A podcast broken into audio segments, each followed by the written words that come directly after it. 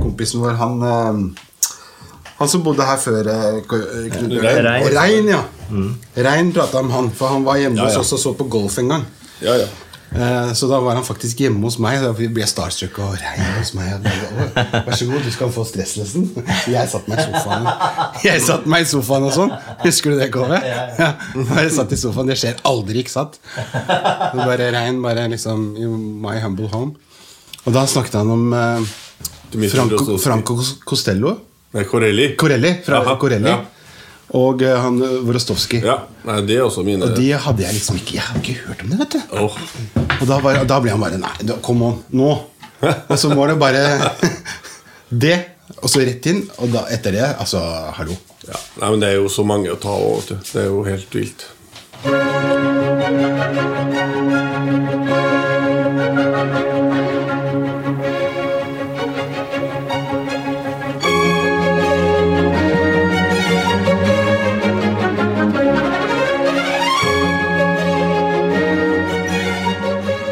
Velkommen til hverdagsshow. Tusen takk for det. Ja, og i dag har vi gjest Ja, vi har det. igjen, og det er veldig stas.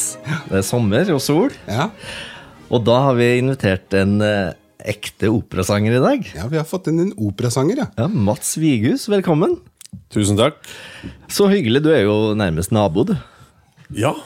Vi bor jo i forskjellige kommuner, men du bor jo på kommunegrensa. Ja, Så vi gjør det. Så koselig, altså. Eh, Så du er liksom eh, klar for sommer og sol? ja, eh, definitivt. Eh, Sommer og sol og sang og musikk. For du skal jo faktisk på den store scenen, du nå. Ja, du mener i Sverige? Ja. Ja, ja det blir spennende. Jeg skal synge Rodolfo, min første store tenorrolle i, Kjære venn. i La Bohème eh, på svensk. Så det blir spennende. Eh, I Dala Floda heter det. Hvor, hvor er det? Det er det i Värmland, tror jeg. Jeg er ikke helt sikker. Var ikke det der eh, godeste um, Jussi Bjørling kom fra? jo, det tror jeg. Ja. Jeg tror det, Jeg tror de har en egen Hei, Hei, hei. Du så, jeg googla ikke. Nei, du Kom rett ifra harddisken. De har sånn egen Jussi Bjørling-pris der og sånt. Ja. Så bra. Det blir kjempespennende. da Det er jo en stor rolle, Mats. Ja, det er det absolutt. Bare for å legge litt sånn ekstra press på her nå i podkasten, liksom. Som om de har noe å si. Mm. Big D sier at det er stort, liksom. Ja, da er det stort. Ja, det er- Men du har, du har gjort noe i La Bohème før, du? Ja, du, jeg var jo baryton i mange år, så jeg sang eh, eh, Marcello. Eh, så den har jeg gjort i to produksjoner. En i Bergen og en i Nordfjordeid. Så en på italiensk og en på norsk. Um, Så nå er det tredje språket du skal gjøre det på? Nei, ja, faktisk! det har jeg ikke tenkt på. Men for de som ikke er så inne i operaen, Mar Marcello, hvilken uh, hovedrolle er det? Ja, det er maleren i Bohem-gjengen, mens eh, Rodolfo er jo poeten. Ja. Så eh, La Bohem, det handler jo om eh, ja, kunstnere som bor på et loft, loftsleilighet i Paris og lever liksom fra hånd til munn, og kunsten er liksom alt. Ja. Eh, og så går det til slutt skeis når, han- når folk dør av sykdom og sånt. Altså, han møter jo sin livskjærlighet. Mimi. Mimi. Uh, og, men det er, det er jo skrevet en, det er en lang bok med masse fortellinger om denne gjengen. Ja. Så i operaen så tar de jo utdrag, kan du si. Så når det kommer til tredje akt, så har det allerede gått en stund. Og, og det har blitt slutt mellom Rodolfo og Mimi. Og så i fjerde akt, når hun kommer inn og hostende fra, fra gata og holder på å dø, så har ikke de sett hverandre på lenge. Eh, men så er det sånn at de gjenforenes i kjærligheten da, like før hun liksom utånder. Som man gjør på operascenen. Eh, mange som sier at man bruker så lang tid på å dø på operascenen, men man bruker mye lengre tid i virkeligheten. Um, så jeg syns at opera er på en måte nærmere teaterscenen egentlig enn å, å på en måte favne um, de store følelsene eh, på en helt annen måte.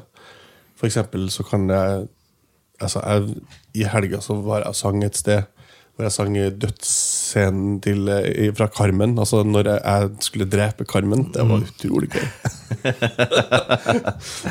men altså, ja, det, Gøy. Ja, det var, skikk, ja, men det var skikkelig gøy. For at, eh, du, du sitter liksom i førersetet i en skjebne, liksom. eh, av en person som skal oppleve noe av det mest opprivende i det du har opplevd noen gang. sant?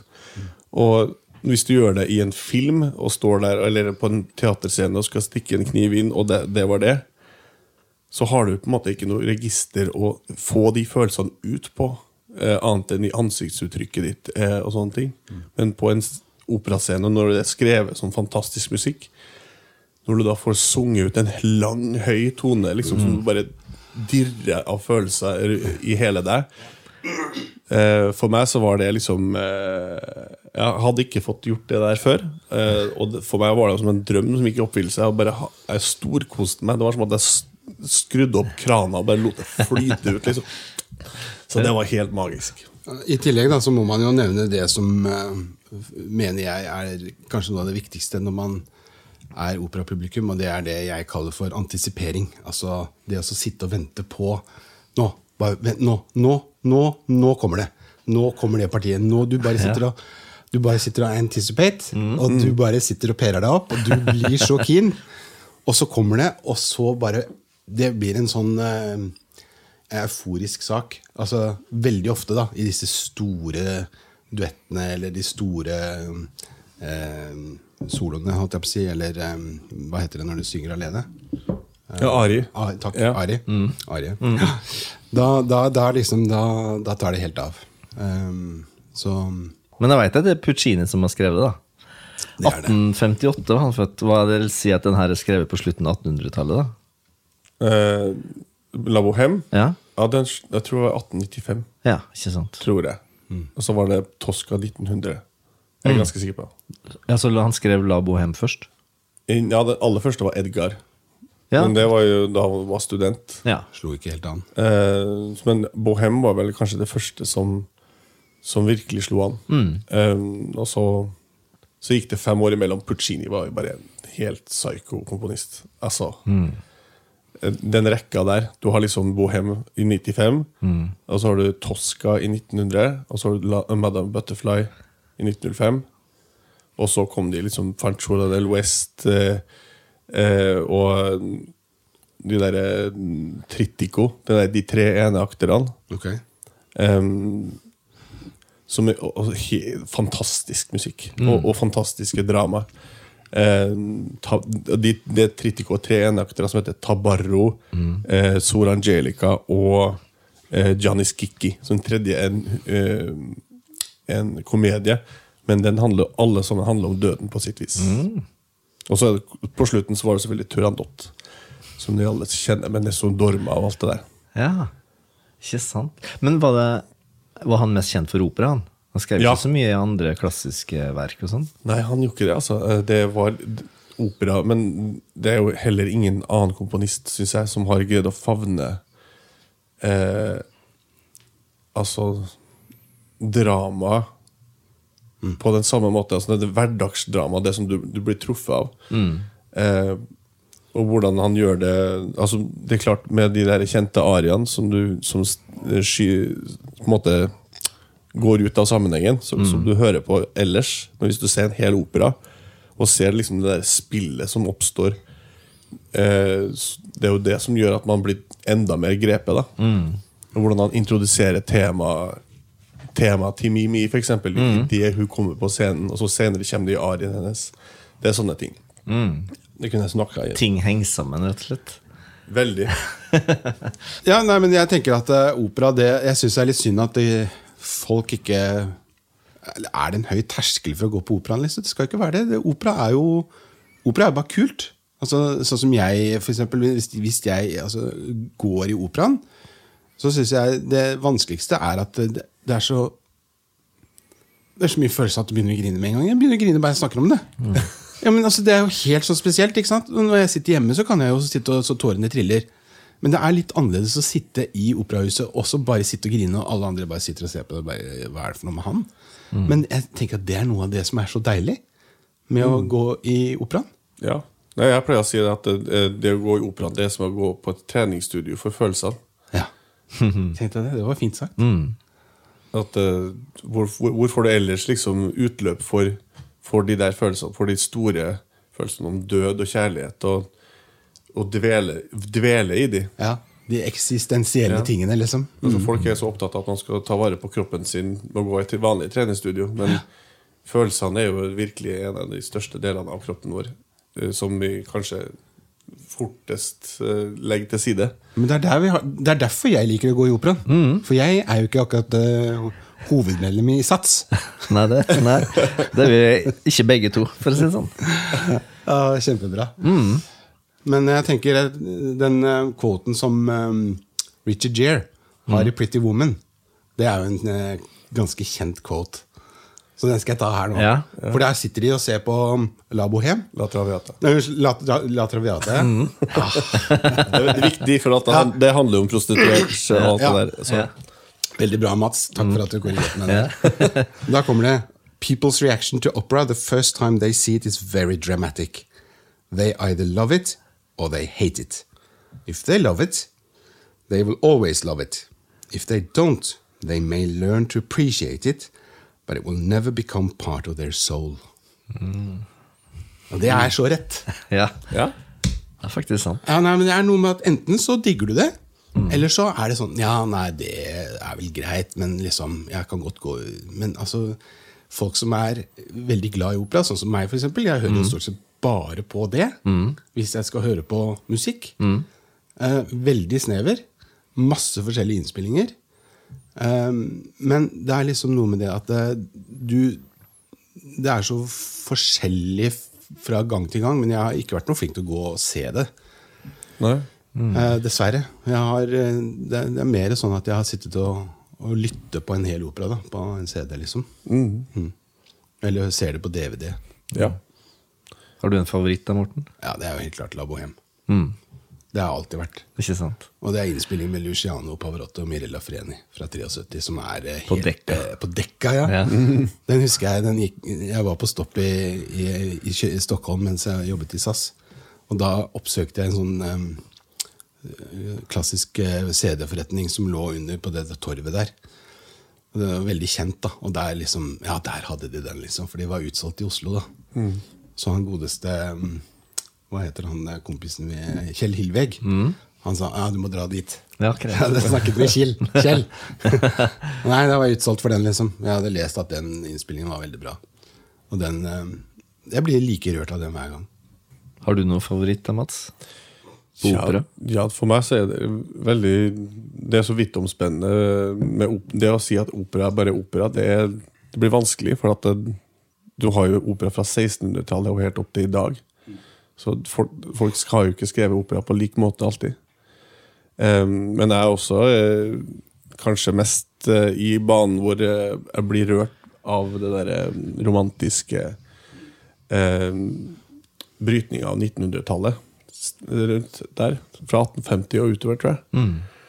Em, så, og der har jeg både Wagner har jeg også liksom Jeg husker jeg gikk på Operahøgskolen, så fikk vi beskjed Jeg hadde tenkt at jeg skulle jeg måtte, Når jeg studerte opera, så, så måtte jeg få kontroll over operahistorien. Men Wagner sa at jeg tenkte at nei, det, det tør ikke.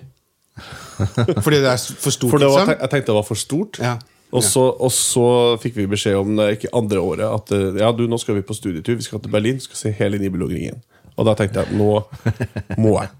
Så da begynte jeg å lese, og så det var det som et rabbit hole, liksom, hvor jeg bare ramla nedover og begynte å lese bøker. Så jeg har sånn 40 bøker hjemme om Wagner og estetikk. Og, altså, det, det, det er helt crazy mye som kommer ut av det der. Jeg tror du har nevnt det før, Morten, men hvor Ja, det, lang er den operaen? Nei, det, det, jeg Det er fire opera Det er fire. Så det er liksom sånn fire dagers prosjekt Ja. omtrent, ikke sant? For jeg husker Da vi var hos Per, vet du Ja, stemmer det. så begynte han med Wagner, og da, da kjenner jeg også at jeg blir litt redd. Ja. Jeg blir litt sånn intimidated, fordi det er så svært. Og det, det er liksom bare sånn Det er sånn svart hull. Ja. Skjønner du? Du blir bare dratt inn i. Absolutt. Den Kona mi det, som var på Hun skulle se første, altså Rheingold. Eh, Rhingullet. Som da eh, det blir omtalt som uh, a preliminary evening. Det er ikke en opera, det er en preliminary evening. Eh, og da eh, Når hun gikk inn i konserthuset, og så begynte det, så var jeg sånn Nei, faen, er det ikke pause snart? Faen, Ja. er det, her? Altså, det er ikke pause! Nei, og den varte i to og en halv time. Ja. Og, og det er bare sånn der, å shit, det er ganske tungt, men det er heftig å komme ut på andre sida. Så kommer du til Gutter Demmerung, som er siste operaen. Der er første akt to og en halv time. Oi, oi, oi. jeg, jeg tenker det er for spesielt interessert, Ja, altså. jeg tror det. Men, altså. eh, Men det skal jeg si, det Ja. var helt utrolig å være med på å se det live. For det, uh, i- Berlin så var de jo helt eh, de, de gikk helt av skaftet. Det var som å se fotballkamp. Eh, altså, eh, publikum altså Selvfølgelig, de var stille under forestillinga, Ja. men når de var ferdig og skulle ta applaus wow! De ropte som det var straffespark til motstanderen. Det var sånn, de ropte når folk kom på scenen. Det var helt crazy. Det har vært morsomt å oppleve det en Ja, gang. det må dere, Hvis Ja. dere får sjansen en gang. For Wagner-klanen er på en måte en egen greie. Eh, der er det så mange rare Ja, det tviler vi ikke på. det, det står litt sånn i, i kontrast til da jeg tok med min kone til Wien eh, på forlovelsestur for mange år siden. Eh, og vi dro og så en eh, ballett. Og klappet på feil sted. Oi, oi, oi. Du klapper ikke på feil sted i Østerrike. Nei. Nei. Midt im Österreicher. Vi har vært inne på østerrikere før. Og de får så hatten passer. Tyrolerhatten. Og det vet du hva, det, det, altså det blikket som da kommer fra siden Jeg bare var, eh, var keen og bare skulle klappe av, altså, liksom. For det gjør man jo litt sånn oftere i Norge. ikke sant? Man har, Hvis man er et eh, hva skal jeg si, ikke et drevent konsertpublikum, så har man kanskje litt lett for å la seg rive med. Så man kanskje klapper litt eh, ja, i Ja, affekt. Det er helt naturlig, Ja, egentlig. og det det, det var ikke kult. Og jeg klapper høyt, altså. Ja. Så, da var det bare liksom Ok. Nå. Altså hvis blikk kunne drepe. Ja. ikke sant. Så de var ikke like entusiastiske men, eh, som disse tyskerne. Har du hørt det her? Se. Når Franco Corelli sang i, um, i Tosca Så er det et sånt sted i andre akt når han kommer på scenen, så kan han synge en høy H på Victoria. Og så er det da fra samme året innspilling fra London og Parma. Se, her er fra se, Her er fra London. Covent Garden, eller? Ja. Og der er det jo Man skal jo på en måte ikke utbryte i noe stor lyd. Det er ikke en arie, liksom.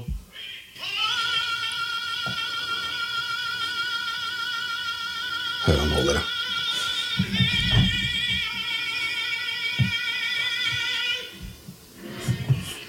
Å, den som klappa litt. Har du hørt? Og så, samme året, i Parma, som er da i Italia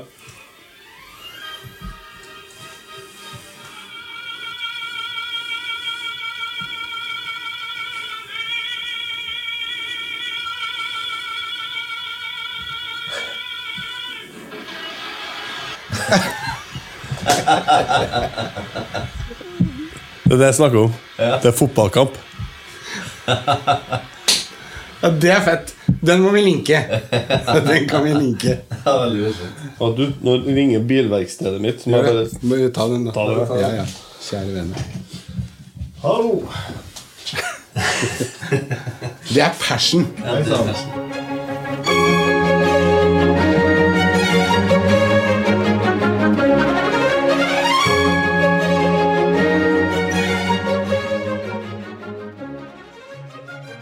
Men jeg lurer på eh, For meg så ser det jo så heftig ut med å synge opera og sånne ting. Og jeg lurer på åssen er det der å treffe orkesteret og dirigenten og sånn første gang? Det må da være en sånn egen eh, Er det en sånn hierarkiordning da? Når man treffer hverandre første gang og skal liksom sondere terrenget?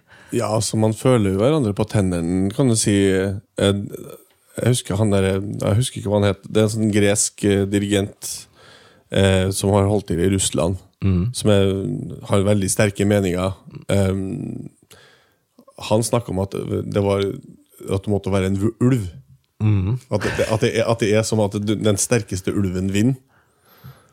Det er litt sånn, ja, på Ja. første dag. Eh, Ja, det er, altså selvfølgelig. I, I Norge så har vi jo Vi liker jo å ha det hyggelig i Norge. Mm. Og Terje Boje Hansen, en dirigent som har jobba mye med, han sa altså du kan jo få et bra resultat sjøl om du har det hyggelig. så du må ikke krangle og lage bruduljer. Men ofte så blir det jo litt sånn at man skal Jeg vil gjerne ha litt tid på den frasen. Og hvis dirigenten har sterk mening at nei, der skal det gå av tempo, og sånt, Ja. så kan det oppstå uenigheter. Og, og hvis man som operasanger ikke tar de viktige kampene sjøl, så går det på bekostning av hvordan man synger. Så man er egentlig litt sånn eh, ansvarlig for å ta de nødvendigste kampene. Man må være fleksibel, selvfølgelig, men eh, eh, man må finne hvor er det her, her er det skikkelig viktig at jeg får tid, f.eks. Eller at det går på, og plutselig så står det der, og så har du en forestilling som ikke du vil stå inne for. Da. Så Dette er jo uhyre interessant, for dette her har vi snakket om før. Med, dette med tempo, dette med legato, altså pausene, eller altså uttrykksformen. Og eh, det er jo Hebbe Lille, eller Herbert von Karajan, som dirigerer de aller største eh, verkene. Altså, jeg er helt klart min favorittdirigent. Det er noe med det at eh, Han styrte jo, ettersom jeg skjønner, med meget vår hånd. Eh, Så han ville jo ha det sånn som han Men han fikk det sånn som han ville. Så det er noe med det at han hans eh, Eller dirigentens ønske kommer veldig klart til uttrykk. da. Eh, men, men jeg tenker at når man da har en uoverensstemmelse, så må man jo kunne snakke om det på Men det er kanskje vanskelig å snakke om det på en faglig måte, for det gjelder liksom følelser? Nei, Eller- eller gjør det ikke det? Det er ganske lett å ta det faglig, egentlig. Men, Ja, men- men, sånn som hvis jeg skulle ha stått i møte med Karajan, hadde jeg ikke hatt sjans. Altså, hadde, hadde vært nødt til å booke og gjøre akkurat som han sa. Det er sånn yes, Ja, ja, altså, men altså, det er, ikke, det er ikke tvil. Som du sier, han er jo en av de Altså, han er jo død nå, men Ja. eh, han er jo en av tidenes beste. Ja. Og han visste det sjøl. Og det, en av grunnene til det var jo at han, han var så hard, kan du si. da Mm. Og det var, det var ikke veldig mange som greide å hevde seg mot han. Men eh, du har jo sånn som Toscanini, for eksempel, som sa at eh, det, det riktige tempoet er sangerens tempo. Mm. Sant? Så han var fleksibel, sjøl om han også var en av tidenes beste. Så det er forskjell på, Mm. på dirigenter òg. Og så har du Fortwengler, som var, var Ja. eh, dirigent for Berlinfilharmonien før uh, Karajan. Det er en historie når han, det, var, det var en gjestedirigent for uh, Berlinfilharmonien som satt og hadde en øvelse. Så bare, han fikk ikke helt tak i det. Så plutselig så, så han at førstefiolinisten retta seg ryggen, og plutselig kom det en klang ut. Så bare hele orkesteret bare Hva hva er det som skjer nå? Da hadde Fortwengler kommet inn i rommet. Ja, det Da var det bare å levere, liksom. Ja, men det er noen ting med altså folk, det, det er noen som vitser med at en dirigent bare kommer og bærer en pinne inn liksom, og begynner å vifte. Nei, det er, de gir energi. Eh, så det er helt uvurderlig å ha en eh, sterk musikkpersonlighet foran seg som kan gi deg muligheten til å fly. Altså. Det er helt fantastisk. Men åssen er det med å um, Følger du dirigeringa ofte, eller? Du, Um, du, ser, du er jo ikke så ofte du ser på dirigent, kanskje? Nei, Uh, en rolle? i, i, i innstuderingstida så jobber vi jo tett. Eh, og når vi jobber musikalsk, så, så er jeg jo Da jobber vi jo sammen. Men når man da har kommet fram til hva, vil, hva man vil, så vil man jo fri seg fra å se i en retning hele tida. Så da, da bør man jo ja, kunne manøvrere seg rundt på scenen fritt. Men eh, det var Maria Callas det som sa at hun så aldri på dirigenten. Nei. Men det er en ting bra for at du har dem jo i, eh, i sidesynet, og du, du ser dem, og av og til så trenger du en innsats. Um, men eh, ja, det er iallfall um, Det er- alltid et veldig skjørt og spennende for, sånn samspill mellom en dirigent og en sanger.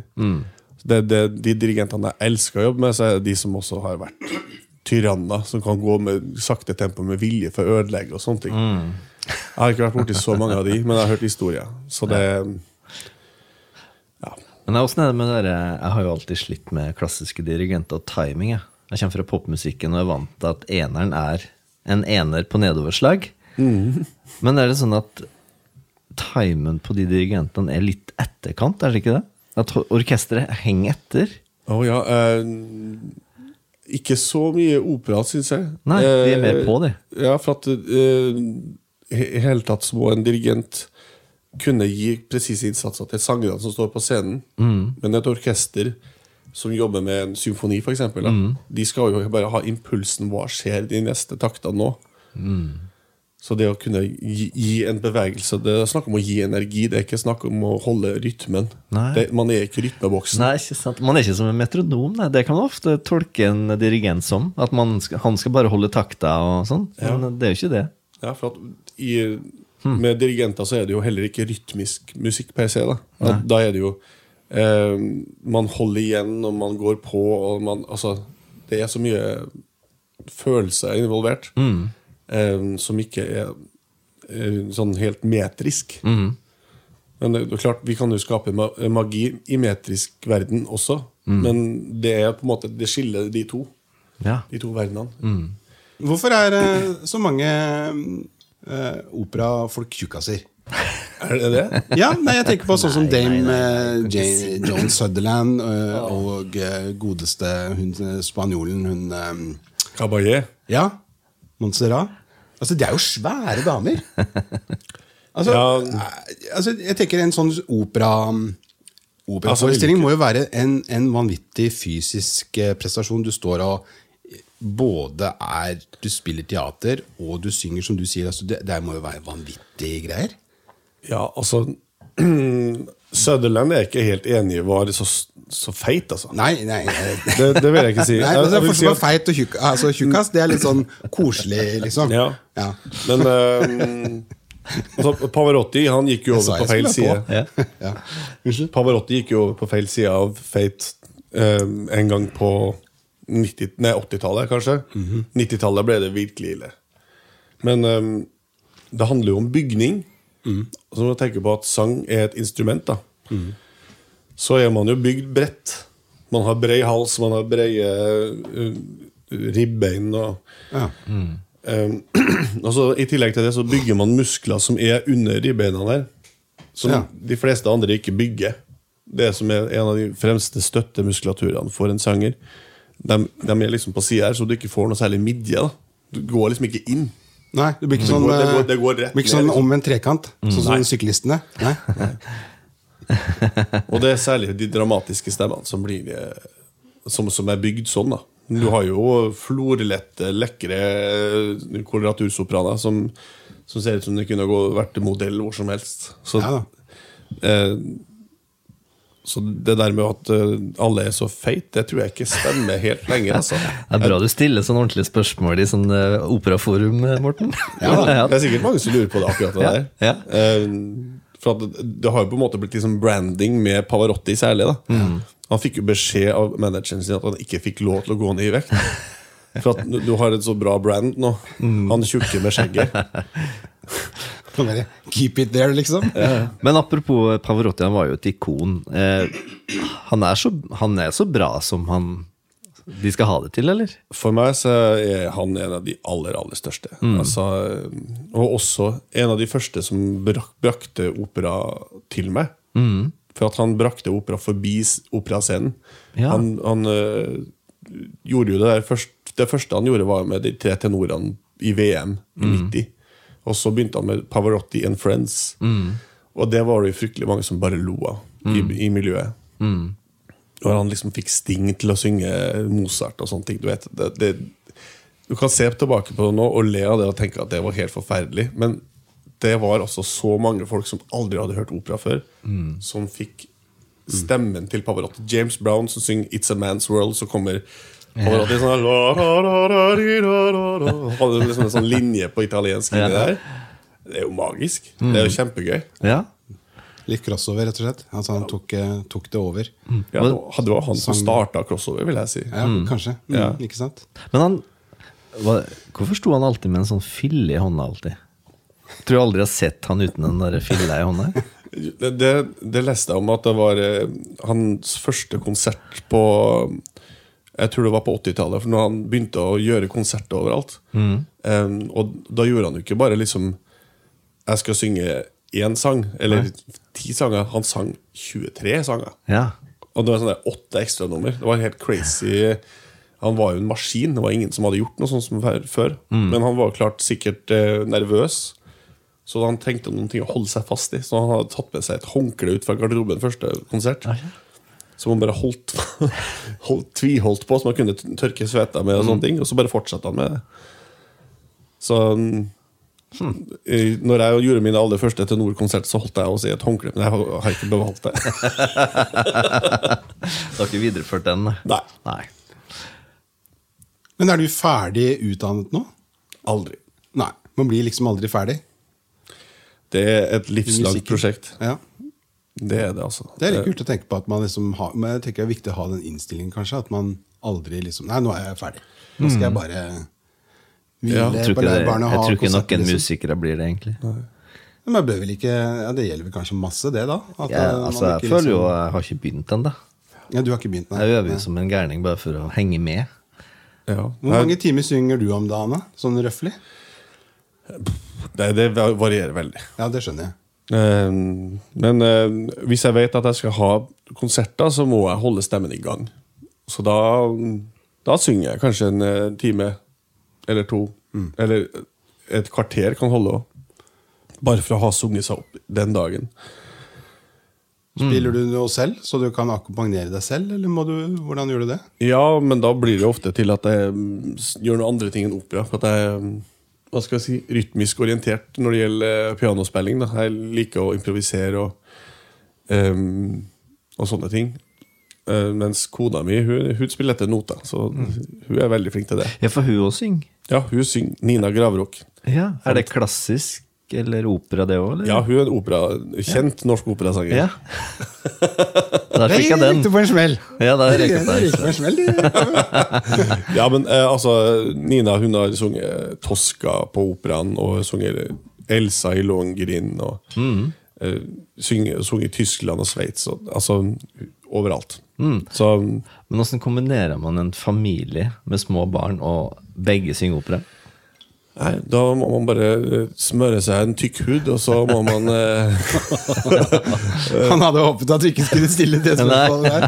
og bare satse på at eh, man kommer seg gjennom riene. Ja, ikke sant? ja, det kan ikke være bare bare, det. Nei, det er høyt, høyt dramatisk nivå, det kan jeg si. Mm. Men um, på den samme måte at jeg, både jeg og Nina er på en måte personligheter som har mye energi på scenen. Eh, da, da har vi mye, energi hjemme òg, så vi stråler ut både negativ energi, det kan være slitsomt, men positiv energi, det er veldig fint.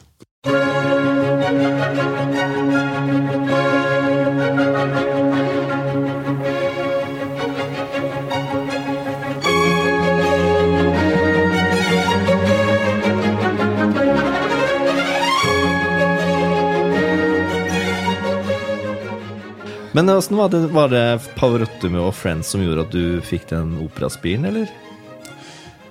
Nei, Du, det operaspiren det, altså, Jeg likte jo musikk, eh, klassisk musikk fra jeg, jeg spilte fiolin Mm. I Trondheim? ja, i Trondheim. Så gikk jeg på kulturskolen og spilte i orkester. Eh, og hadde pianoundervisning.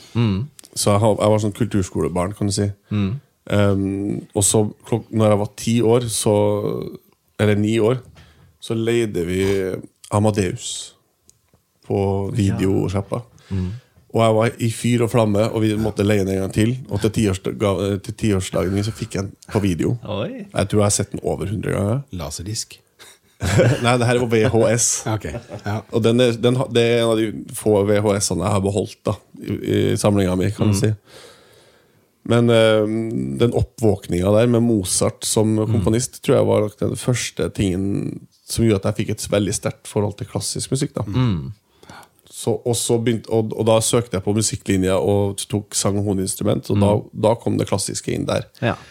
Og så er det et eller annet med at um, når man har først begynt med sangundervisning hos en pedagog, så sier jeg ja, da må du søke på konservatorium her og der.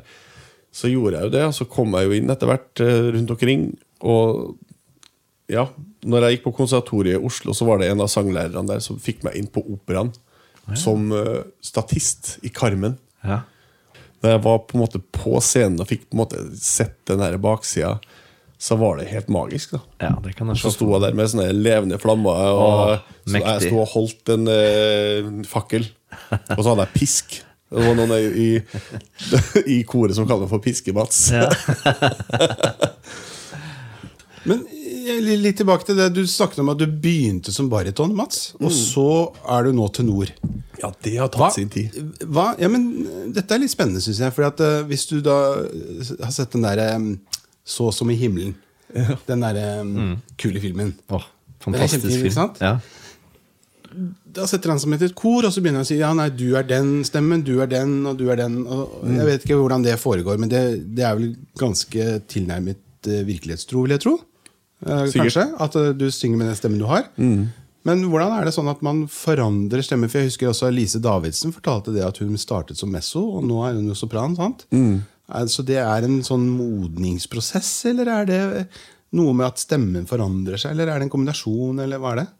Eh, så en, en stemme i seg sjøl det, er ikke- det er ikke register eller sånn hvor langt ned man kommer, hvor høyt man kommer, som bestemmer hva slags stemmefag man har.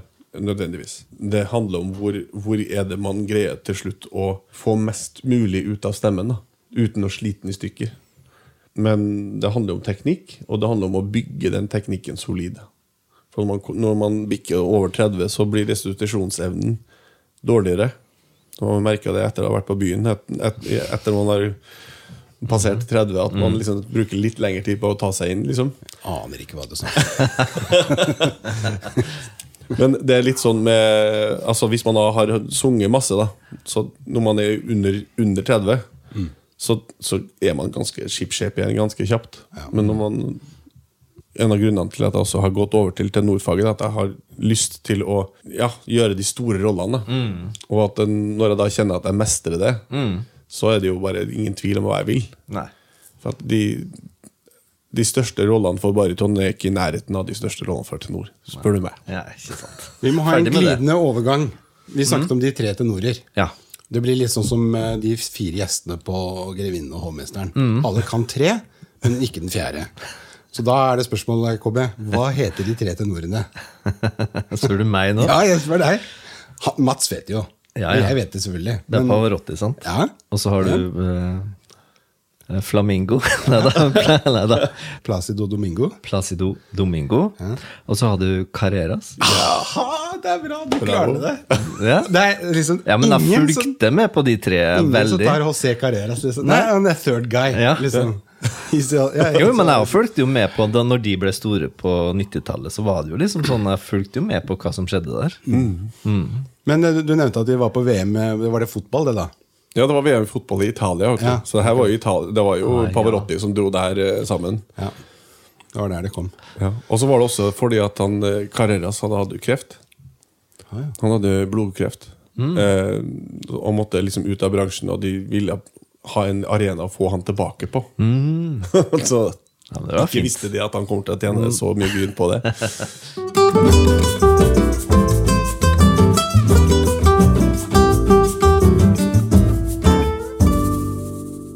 Da er det vel på tide med dagens eh, quiz. Og sier vi hei gjest, så har vi jo Joker med oss. Han kan eh, Du kan være vår Du er vårt orakel, rett og slett. Er ikke det verst? Ja, så Hvordan fungerer det? Du, saken eh, TP har jo seks kategorier. Ja. Så kaster vi en terning, og så stiller vi hverandre spørsmål. Eh, og nå har vi faktisk eh, Stillingen til nå er 7-6 til meg. Oh, Det, det er ikke verst, altså.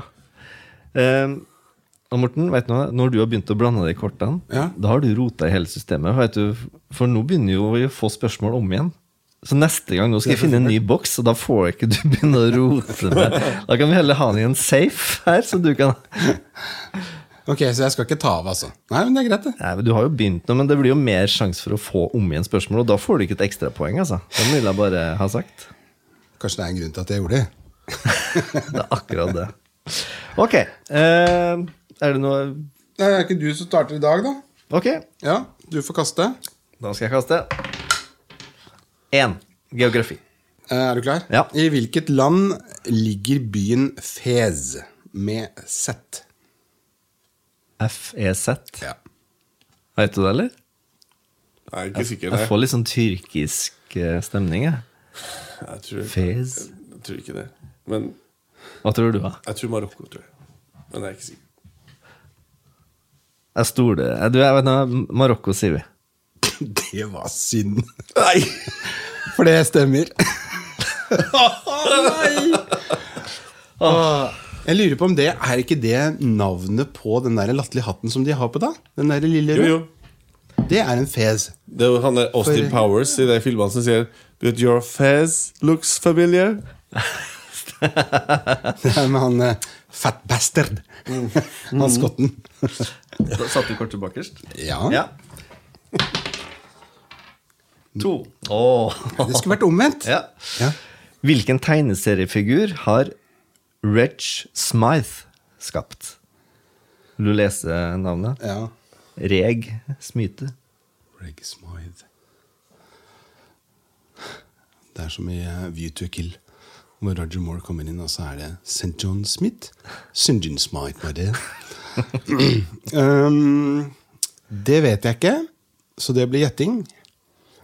Uh, det er jo ikke Donald Duck, ikke Mickey Mouse. Nei, så da, jeg begynner å eliminere bort. det, det er noe sånn eh, Det er noe sånn apart som Tintin eller eh, Fantom. Jeg tror jeg svarer Fantom. Hva tror du, Mats? Vet du det? Uh, jeg tror Snøftesmitt, men uh, det er bare Snøfte Smith. Ja, det tror jeg. Men han, ja. Og så er det sikkert Det er, det er et som er riktig her. Jeg hadde det med Marokko i stad. Tenk hvis Tyrkia er rett, og så hører jeg på gjesten. Ja, Gir du meg et hint nå? Nei, nei, absolutt ikke. Jeg har ikke sett på svaret. Å nei, du har ikke sett Nei, Nei, nei, fordi at, nei. nei. nei, for nå føler jeg liksom at eh, hvis jeg mm, Ok, da, men da, da går vi for Mats. Nei. Jo, vi gjør det. Så er det det å stole på folk, da. vet du. Ja. Andy Cap. Ah, okay. Det var close, da. Er ikke det samme fyren, da? Jeg har ikke hørt om det. Jo, det er jo han der eh, fyren med sånn cap. Ja. Han som går på pub. Ok, Og ikke Fantomet. Så er det mitt andre spørsmål for dagen, som er én igjen. Slutt å kaste igjen. Nei! Altså. Den har vi hatt før. Ja, ikke sant? Der begynner du å Hva heter den nest største byen i Italia? Altså har du Mats. Da har vi litt å velge i, kanskje. Men Roma er jo størst.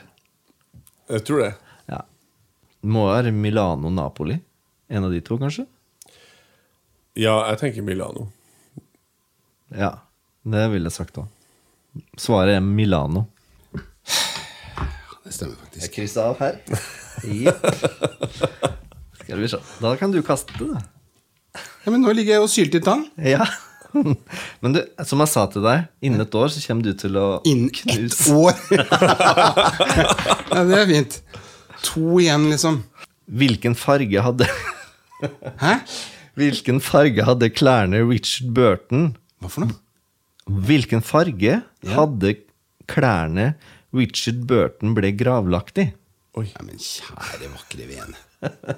Hvordan i all Jordfarge. verden skal jeg vite det? Richard Det var sikkert en statement, da. Du kan regne med at det ikke var svart. Eller så er det lurespørsmål, så er det svart, liksom. Hva er det man vanligvis eh, blir begravet i? da? Svart, er det ikke det? Jeg sa Richard Burton, hvem er han gift med? Var ikke Elizabeth Taylor? Elizabeth Taylor. Gull. Hallo. Det er sikkert gull. Jeg går for gull. Ja. Rød. Nei! Jeg vet hva jeg hadde tenkt å svare. Nei. Nei! Nei! Bare for at jeg får hyggelig stemning resten av dagen, så skal jeg ikke si hva stillinga er. Du kjenner meg. Det blir, Ja, Da blir du sur, og det er umulig å ha med å gjøre resten av sendinga. Yes, nei, men du. Tipp topp. Ja, det er, ja. Ja. Jeg får bare si vær så god for hjelpa. Ja, Ja. begge to. Tusen Ja. hjertelig takk. Ja. Ja, men du, tusen takk for den Marokko, altså. Det var virkelig stas. 9-6. Det var 9-6. Ok.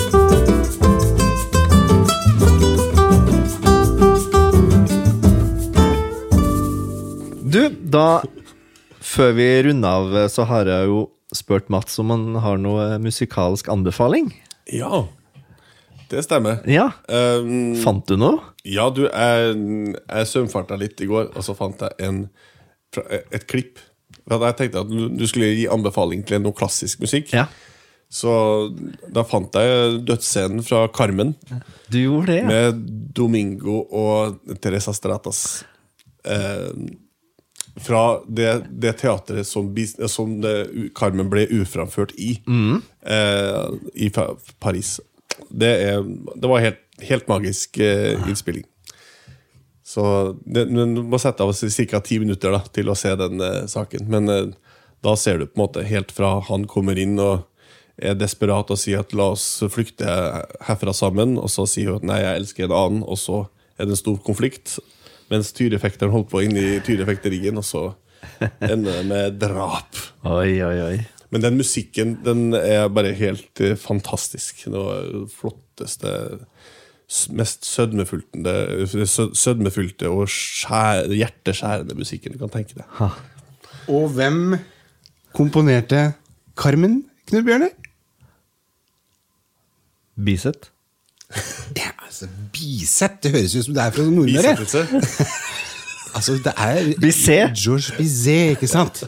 Biset. Altså, jeg er ikke fra Sunndalsøra, liksom. Å, du, altså. Georg Biseth.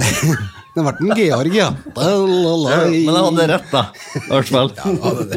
Åh, intonasjon er viktig. Nei, sånn er det bare. Men det var veldig bra svart, da. Mm. Men da er det rett og slett en link til en YouTube-video? Ja, det er det. Ja, supert, det. Så kult. Du, utrolig koselig å ha besøk av deg, Mats.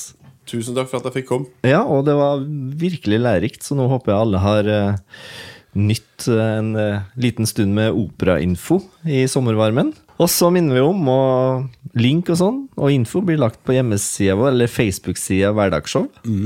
Gå inn dit og like oss, og så er det bare å stå på. Ha det bra. Ha det!